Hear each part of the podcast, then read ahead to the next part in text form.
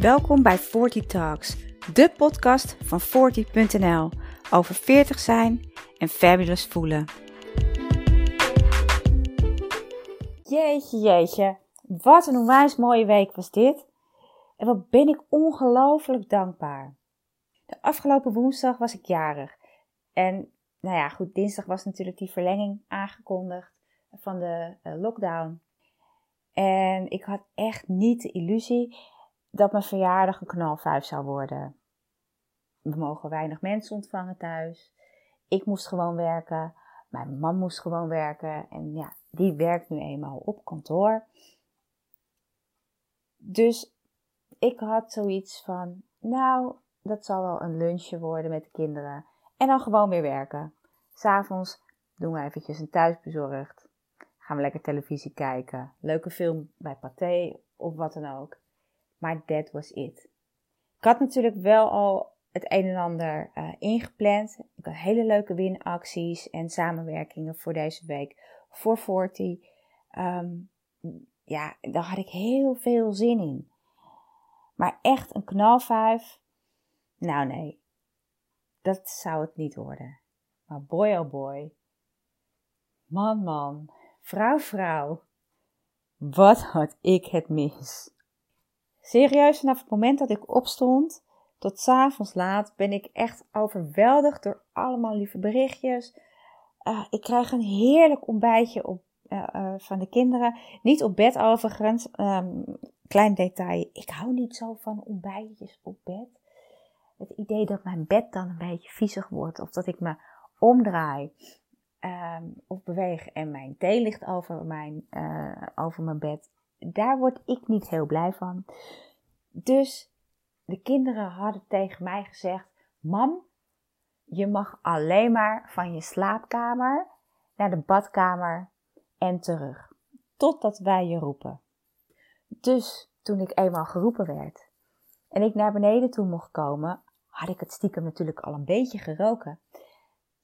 Maar toen hadden ze heerlijke croissantjes voor me gemaakt. Uiteraard met de kaarsjes 43 erop. Super lief. En werd ik toegezongen. Nou ja, mijn dag kon toen al niet meer stuk. De hele dag lang heb ik lieve berichtjes gekregen. Um, ik kreeg prachtige bloemen, allemaal appjes, Facebook berichtjes, Instagram berichtjes. Ik heb heerlijke wijntjes gekregen. Ik heb prachtig cadeau van mijn man en van mijn kinderen gekregen. En de hele, hele dag ben ik overladen door heel veel liefde, vooral van mijn gezin. Wat voelde ik me onwijs speciaal. En daar ben ik toch wel heel erg dankbaar om. Ik kan me namelijk niet herinneren wanneer ik zo intens dankbaar gevoel heb gehad. Natuurlijk, weet je, je bent vaker dankbaar eh, om iets of om iemand. Maar Sinds ik bewuster in het nu leef en um, ook veel duidelijker mijn doelen voor ogen heb, ben ik mij dus ook bewuster van de zaken uh, die ik in het verleden voor lief nam. Nou ja, zo'n verjaardag bijvoorbeeld, zoals nu. Um, normaal gesproken nodig je één of twee mensen uit, drie misschien. Ben je op een zaterdag jarig, dan nodig je een heleboel mensen uit. En je bent eigenlijk de hele dag lang ben je bezig met uh, hapjes schenken, uh, een praatje hier, een praatje daar. Maar tijd om je echt te beseffen wat je om je heen hebt, wie je om je heen hebt, dat heb je niet. Ik vond dit gisteren, uh, gisteravond toen ik in bed lag, besefte ik mij ik, dat ik echt, echt enorm genoten had van mijn dag. Dat ik echt echt heel erg dankbaar ben voor de mensen om mij heen, voor de volgers op 40, um, ehm, die mij aan alle kanten ook berichtjes hebben gestuurd. Um, en dat was niet alleen maar voor de winactie, overigens. En ik vond dat zo'n ongelooflijke, bijzondere uh, gewaarwording. En zeker omdat ik zelf best heel erg down to earth ben. Weet je, vroeger kwamen wij, uh, bij ons thuis was het zo, met hard werken kom je er wel. En dat werd ons altijd verteld. Wij kwamen niet uit een gezin waarin je heel erg hard moest studeren. Uh, dus studeren, dat was niet nodig. Als je dan goed je best deed, dan kwam je wel ergens. Maar gedurende de jaren bedacht ik me, waar, waar kom ik dan? Waar kom je dan uit? Wat is dat eindstation dan? En als je dan zo hard gewerkt hebt, hè, is dat eindstation dan een happy eindstation? Voor jou, hè, voor mij in dit geval. Ik merkte dat ik daar uh, gedurende de jaren anders over na ging denken. Um, keihard werken tegen een gelimiteerd salaris. Um, en aan het einde van mijn leven terugkijken op alles wat ik heb gemist. Um, van bijvoorbeeld mijn kinderen, straks wellicht mijn kleinkinderen. Um, van de wereld. Ja, dat is niet mijn ding. Ik wist diep van binnen dat ik dat niet wilde. Ik wilde meer. Ik kon meer. En ik wilde heel veel meer uit mezelf halen. Ik geloof er namelijk heilig in. En dat heb ik de afgelopen twee, drie jaar, um, weet ik dat pas tot een, nou ja, onder woorden te brengen. ik geloof er heilig in uh, dat er meer in ons zit, in ons mens zit, dan dat we geloven. Dan dat we willen geloven. Maar ja, hoe kom je daar dan, hè? Hoe kom je uh, bij dat eindstation met een gevoel van, uh, van blijdschap, met een gevoel dat je leven uh, fijn is geweest? Een van, de een van de dingen die ik daarvoor bijvoorbeeld heb gedaan, uh, is mij door bepaalde oefeningen en door bepaalde doelen te zetten, meer in het nu te gaan leven. Meer dankbaar te zijn voor de kleine dingen die ik heb. De kleine dingen die je normaal gesproken niet zo 1, 2, 3 uh, aan zou denken. Nou ja, daarnaast maakte ik een of andere gekke bold move.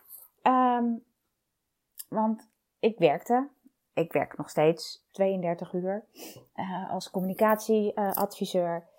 maar um, ik maakte een bold move en um, in een oogwenk heb ik mij toen opgegeven voor een HBO-studie. En eigenlijk tegelijkertijd wilde ik ook heel graag een coachingstraject aangaan. Nou, voor degenen die mij al langer volgen, um, die weten dat ik een uh, business coachingstraject uh, volg bij Charlotte de Jong van Charlie's Kitchen. Um, ook de schuldige uh, voor, dit, voor deze podcast. Dus als jullie iemand de schuld willen geven, dan mogen jullie dat van haar doen. Vind je het echt druk? Helemaal geen probleem. Dan geven we gewoon Charlotte schuld. Nee hoor, Char. Maar ja, um, ik wilde dus heel graag mijzelf meer ontwikkelen. Zowel op, um, op studiegebied, maar ook in mezelf. Ik wilde zelf meer ontwikkelen. Ik wilde zelf die persoonlijke leiders, leiderschap wilde ik meer uh, ontwikkelen. Dat, was een, dat is een hele investering geweest in mezelf.